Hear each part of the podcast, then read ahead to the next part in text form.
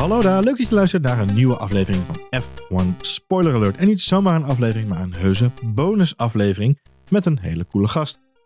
Recent spraken we namelijk de legendarische race-engineer Rob Smedley tijdens de AWS Summit in Amsterdam.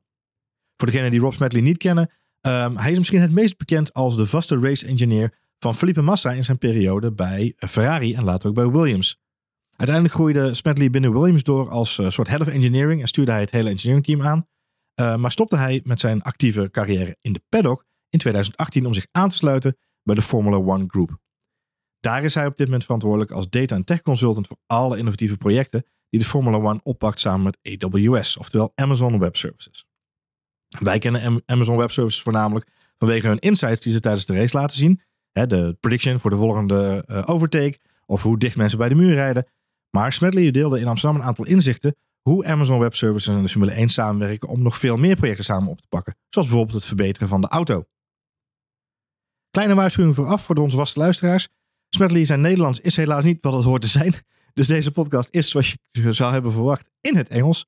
Desalniettemin hoop ik wel dat jullie kunnen genieten van het gesprek wat ik had met Rob Smedley over de impact van data, data-analyse en al die nieuwe inzichten op ons als fans. Hè, hoe wij de race beleven, hoe wij naar de wedstrijd kijken. Maar ook hoe de teams ermee omgaan, hoe het de sport gaat beïnvloeden in de toekomst. Mijn eerste vraag aan Rob was: hoe kom je nou als race engineer uiteindelijk als tech consultant terecht bij de Formule 1? But I mean, my uh, yeah background uh, was, as you said, it was working in within the teams, um, and as, as, an engineer, you know, various levels of seniority. Um, and then when I left Williams at the end of 2018, um, I decided that I was ready to take a different path. You know, I could see the progression within Formula One teams was going to be more of the same thing, and and I I, I needed to change. So um, Formula One, uh, it was around the time that, that Liberty Media had just taken over, um, and they were really interested in you know all types of new fan engagements and especially using data to do that. And then um, interestingly, um, AWS partnered with Formula One, so it, kind of seemed like the right time for all this to happen. So I started as I took on a position as director of data systems within Formula One, uh, and we started to look at how we were going to leverage the data and build value um, from a fan application and a fan engagement point of view. And um, AWS were really key to that because I think we had to start um, almost at ground zero. You know, Formula One had a huge amount of data, um, but it wasn't well curated, it wasn't well stored, it wasn't well um, you know, normalized, synchronized, all the things that you need to do with data to build the foundations before you can actually do all the sexy bit, which is the analysis and build insights and stuff. So um, yeah, I, I, I took on that position. It was a really interesting position. Um, you know, it was a it was a very very I had a very very clear remit of, of what I was trying to achieve. Um, and I think you know with with using the, the, the power of AWS, if you like, um, we've achieved a lot of that. It's been a really good journey. So for us as fans, the, the partnership with AWS is most prominently displayed in the insights. So the, the overlays that we get on our television screens, the, the insights that you share, like uh, the tire degradation or the how many laps to the next overtake or the how close to the wall that we saw in Monaco last time out. Um, but the partnership with AWS and Formula One is is much broader than that, right? So there's also things going on behind the screens using those those data technology, those data analytics, and all those machine learning to further improve the sport and even further improve cars. Could you give an example of that? Yeah, sure. I mean, when I, uh, you know, the the whole the, the the 2022 car was implemented. Um, basically, the, the way that that started was we we decided that what we wanted to do was have uh, a centralized um, support for the FIA, if you like, in designing the new um, 2022 car, and that was built.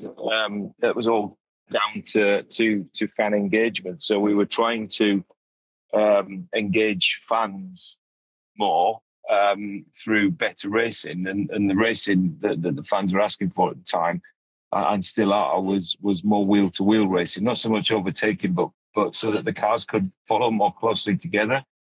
So um, within Formula One, we started to um, design um, a, a, Formula One, like the new generation of Formula One cars, which um, would allow for better following.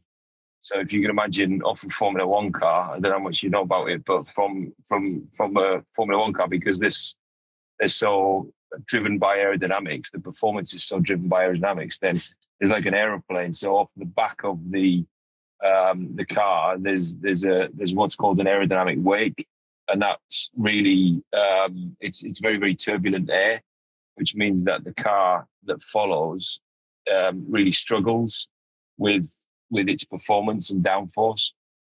Um, so we started to design a, a car that had a, an upwashing wake, so that you know the, the the wake that come off the car in front, if you like, would would um, would wash over the car behind, and and give it significantly less deficit in terms of its aerodynamic performance, and therefore it would be able to follow closer. Um, to do that, we had to design it in in uh, um, an aerodynamic simulation tool called computational fluid dynamics. And and the thing about computational fluid dynamics, it's it's built on like a finite element system. Um, so it's very very heavy on compute power. So the teams deploy that type of technology, um, and we started using it centrally within Formula One. Um, but because the compute power for a two-car simulation is is is so large, it was taking about four days to do each design iteration.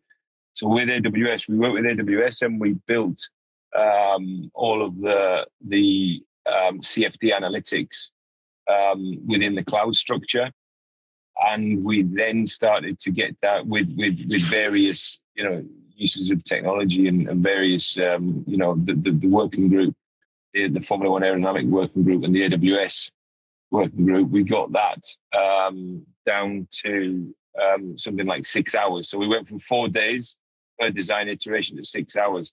And if you look at how long it would have um, taken to design this new generation of Formula One cars, it would have been something like 100 years to do it, um, to get it to, to the maturity of design that we got it to. And we did all of that in about five months, thanks to, you know, AWS coming in and, and you know, really helping us with that. So that's been a massive success story of the, of the partnership um, as well as the, the, the F1 insights, you know, the, the data that we already talked about using that data. So it's it's you know there's there's lots of examples like this, but that's a um, one of the, the the the success stories of the partnership so far.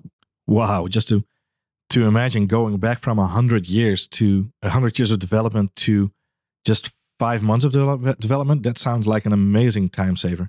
Yeah, yeah, yeah, yeah, yeah. And, and and I think that you saw, you know, as a as a success, we we introduced that car. The teams introduced their versions of that car in 2022 and 2022 season, and definitely from all of the metrics that we were able to measure. Um, and then, you know, from anecdotally, from from talking to the drivers as well. Certainly, when I talked to to to the, the various Formula One drivers um, all of them said that it was much easier to follow now. Um, you know, it was much more like a like a junior formula race, like a go kart race, where there was much less effective aerodynamics, and because it was much easier to follow, then you, you started to see this much closer racing. Yeah, definitely. I think we can all recall the, the 2022 season opening in Bahrain with Verstappen and Leclerc uh, overtaking each other. I think five times or something. Uh, so we saw a lot more close racing uh, in the races that followed. Maybe not so much uh, this year, certainly not at the top of the field, but uh, who knows yeah. what the rest of the season will bring uh, will bring us. You should be very happy, I think, listening to your accent. well, I think it's safe to say that the love of the, the Dutch racing fans is uh, is spread among uh, all of the teams in the paddock, just not just uh, Max or Red Bull, uh, but also uh, I mean we have a lot of Mercedes, McLaren, uh, uh, AlphaTauri, or other fans, uh, Williams fans as well, of oh, course. Okay. So, um, but it is a, it is of course a treat to see um, a Dutch driver performing so well in the sports. I mean, it's something that a lot of old time fans uh, couldn't have ever hoped for, uh, and now to have someone performing it that well, it is uh, it is still still something special to hear the Dutch anthem uh, on a Sunday afternoon. Yeah, yeah, of course, and he deserves it as well. You know, he deserves it, and the team deserve it. They're doing a great job. Yeah, agreed, and and lovely to hear. Um, and and I agree. I think they're doing a, a splendid job as a team as well. Which which triggers me is is it something that uh, we're talking about insights and data and all those data points? Uh, are teams using these AWS data points, data insights, uh, the stuff that you guys are collecting and analyzing? Are they using it in their strategies or in their approach to the race weekend?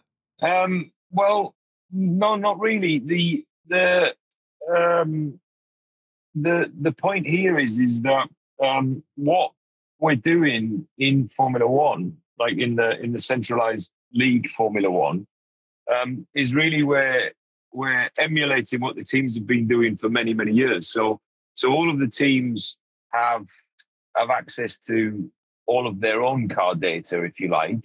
In Formula One, the league, it's it's different because we have access to a subset of all of the car data, plus the timing data, plus the weather data, um, tire data, circuit data, metadata.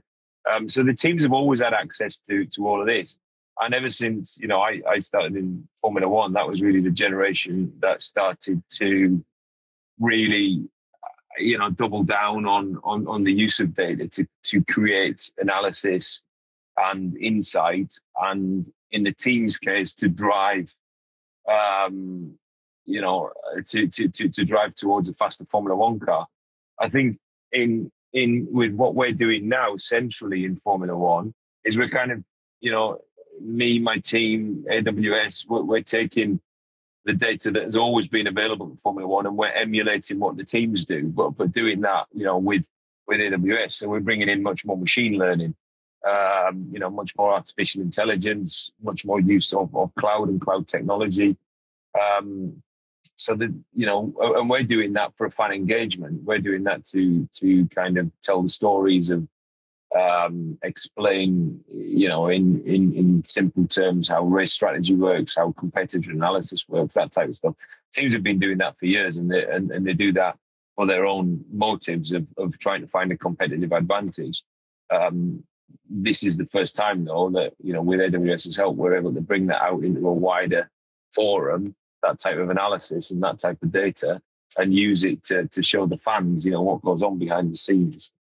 And these are, of course, the, the AWS insights, the data visualizations that we see as a fan uh, uh, projected on our screen, the how many laps to an overtake, the, the, the, the how close to the wall, the top speeds and stuff like that. That's right. Yeah. yeah. I, I always wondered, um, how do these things come together? Who comes up with these new insights? And every season has brought a new insight to the fans.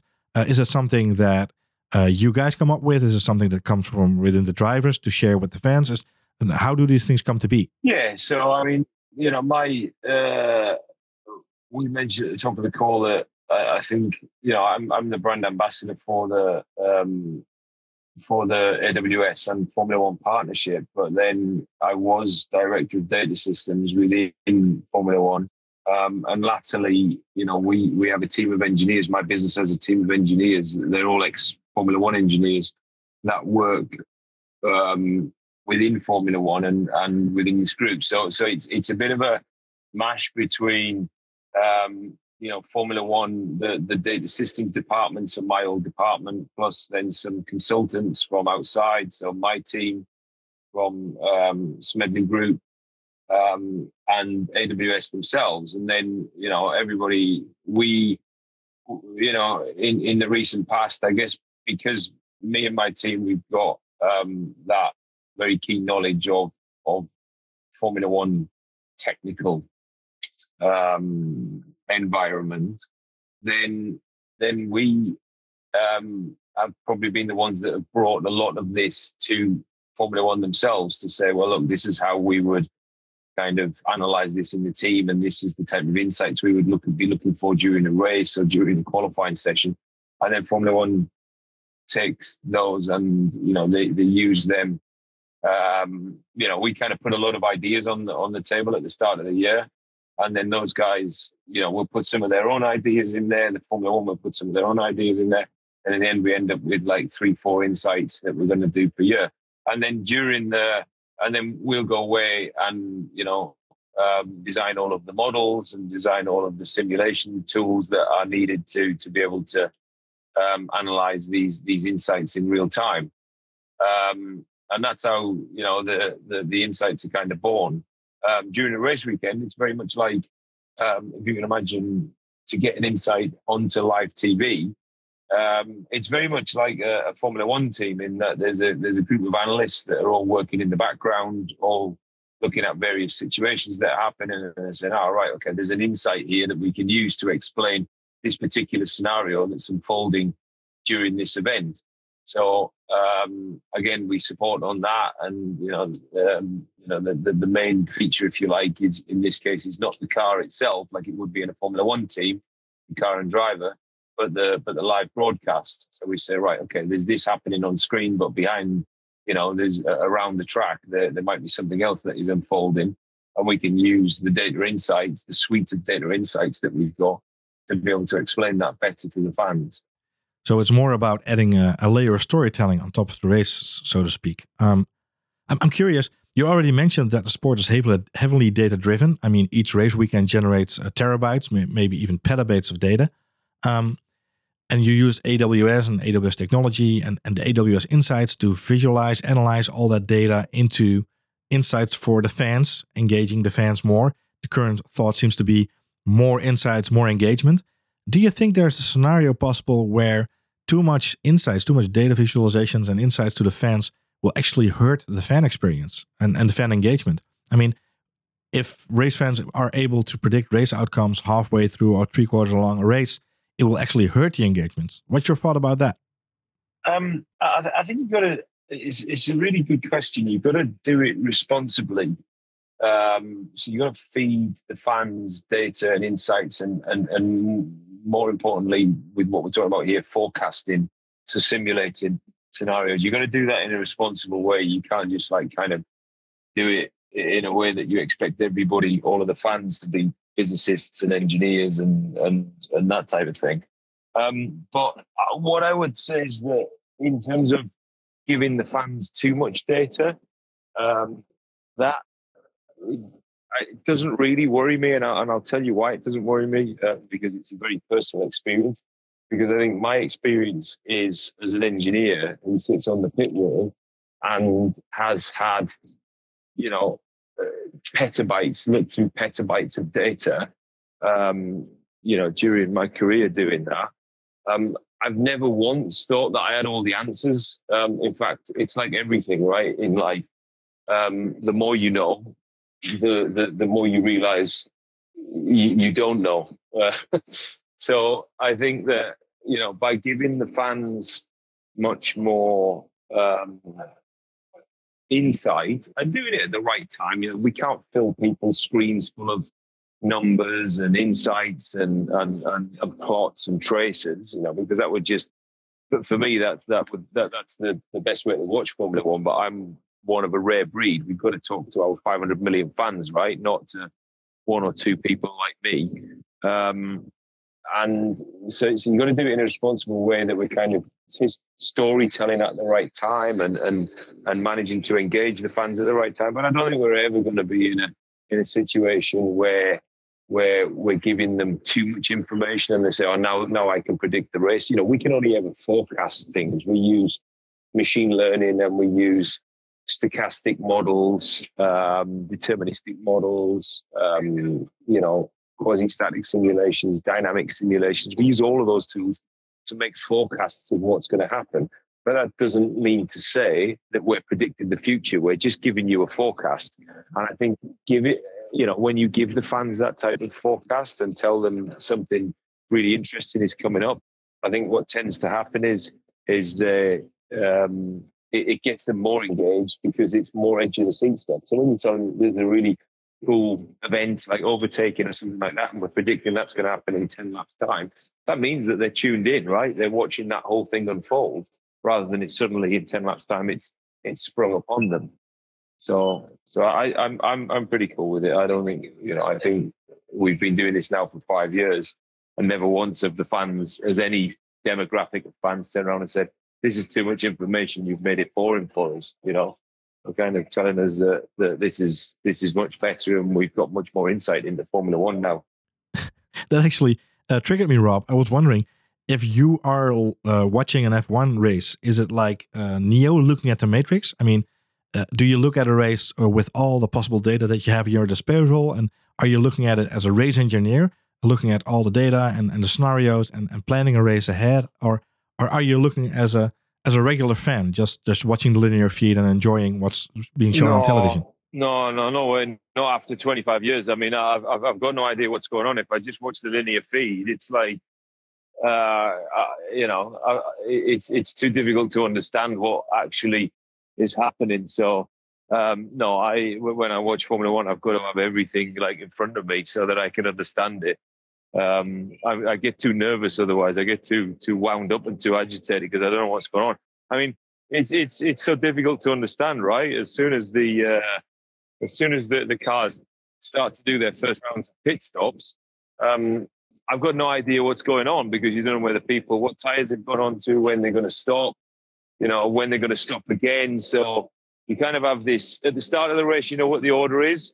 After the last pit stop, you know what the order is. The bit in the middle for me, it's it's uh, it's quite hard to keep up with. So I, I, like to have all of the data screens and, and watch it like that. Definitely. Oh, I guess as you see that uh, recognizable for some of our listeners, getting plugged in and uh, getting their hands on as much data as possible to enjoy a race. I think it's it's very recognizable for some of us. Um, going back to the roots of uh, of the sport, um, Formula One has always been seen as the birthing room for technology and, and innovation in the automotive industry.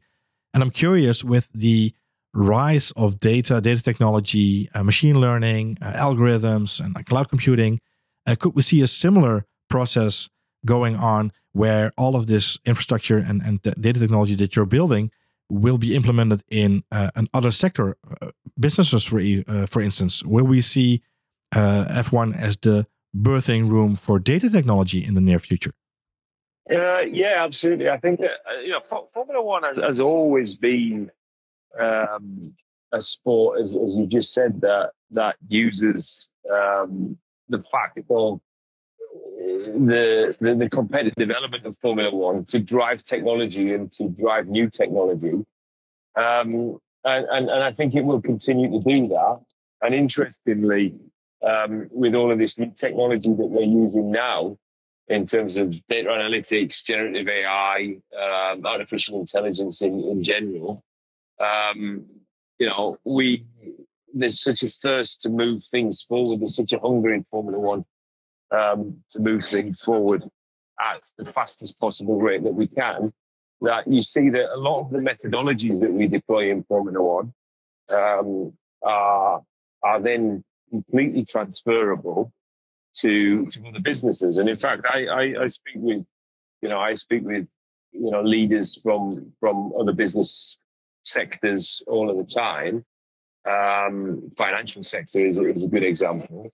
Um, and they are finding that they're learning a lot from us now. We're transferring a lot of um, our way of working, the way that we we you know the huge amounts of data that we transfer. It's very analogous to the financial sector, um, and the way that we analyze and, and kind of break things down and get you know these huge you know amounts of data, petabytes of data from all sorts of disparate sources, and then and then you know package them up into really neat insights that help us to run our business. And our business is you know it's either fan engagement won the league, or it's making fast Formula One cars for the teams. Um, but it's uh, it's it's exactly the same as, as as, a banking industry, isn't it? It's the financial industry. Is that they've got all of this data coming in, and they're trying to break that down um, into into you know clean, crisp insights that help them to run their business and make better decisions. It's exactly the same um, concept. There's no difference whatsoever, and I think this is where you know, we're working outside of Formula One with AWS and going into different sectors, you, uh, know, into AWS customers to um, improve their data journey as well. Yeah, definitely. Um, you're a busy man today, Rob, and I'll have to let you go after just one final question. Um, we already touched briefly on your uh, your inner fan experience when you're watching a race for yourself. Um, I'm curious uh, from within that inner fan perspective would you say that F1 is still about uh, the smell of burning rubber and rumbling engines and, and hot tarmac? Uh, or are we moving more and more into a world of real time data analysis and smart algorithms, machine learning, and, and super fast silicon? Well, I don't, I don't think Formula One will ever ever lose its DNA. um, I, I don't think it will ever. I don't think we'll ever move away from that that particular DNA of burning rubber and you know humans, you know, driving the cars, racing drivers. You know, they're the gladiators, right?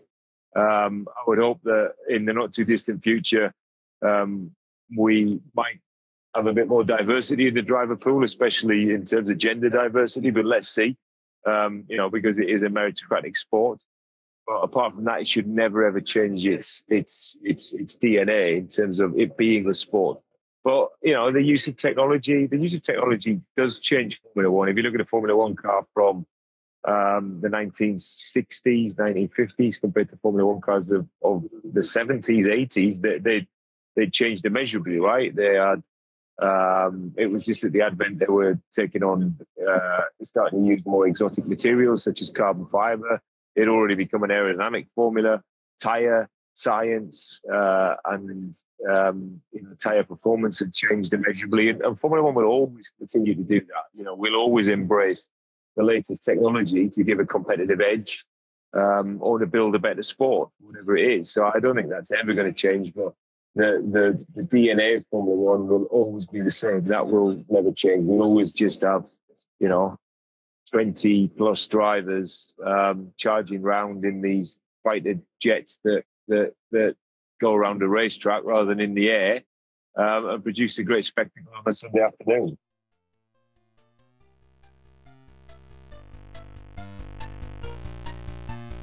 En daarmee kwam er een eind aan het leuke gesprek dat ik had met Rob Smedley, die ik misschien nog wel duizend en één vragen had willen, kunnen, nee, misschien zelfs wel had moeten stellen. Maar uh, hopelijk uh, hebben we binnenkort Rob nog eens een keer achter onze podcastmicrofoon. Om hem dan nogmaals eens het spreekwoordelijke hemd van het lijf te vragen.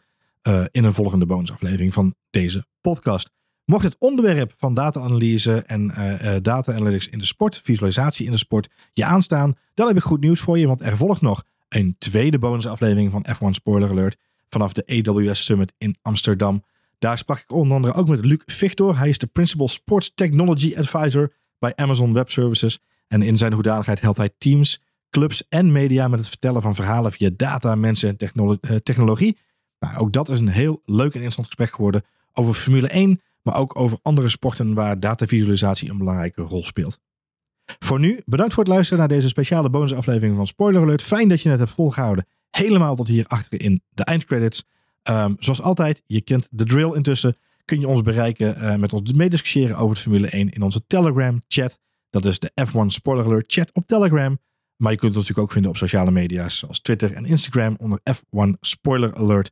Mocht je uh, Marjolein of mijzelf een berichtje willen sturen via Twitter, dan kan dat naar Marjolein met een lange ei. Of natuurlijk Johan Voets met een lange oe. Voor nu bedankt voor het luisteren en tot de volgende F1 Spoiler.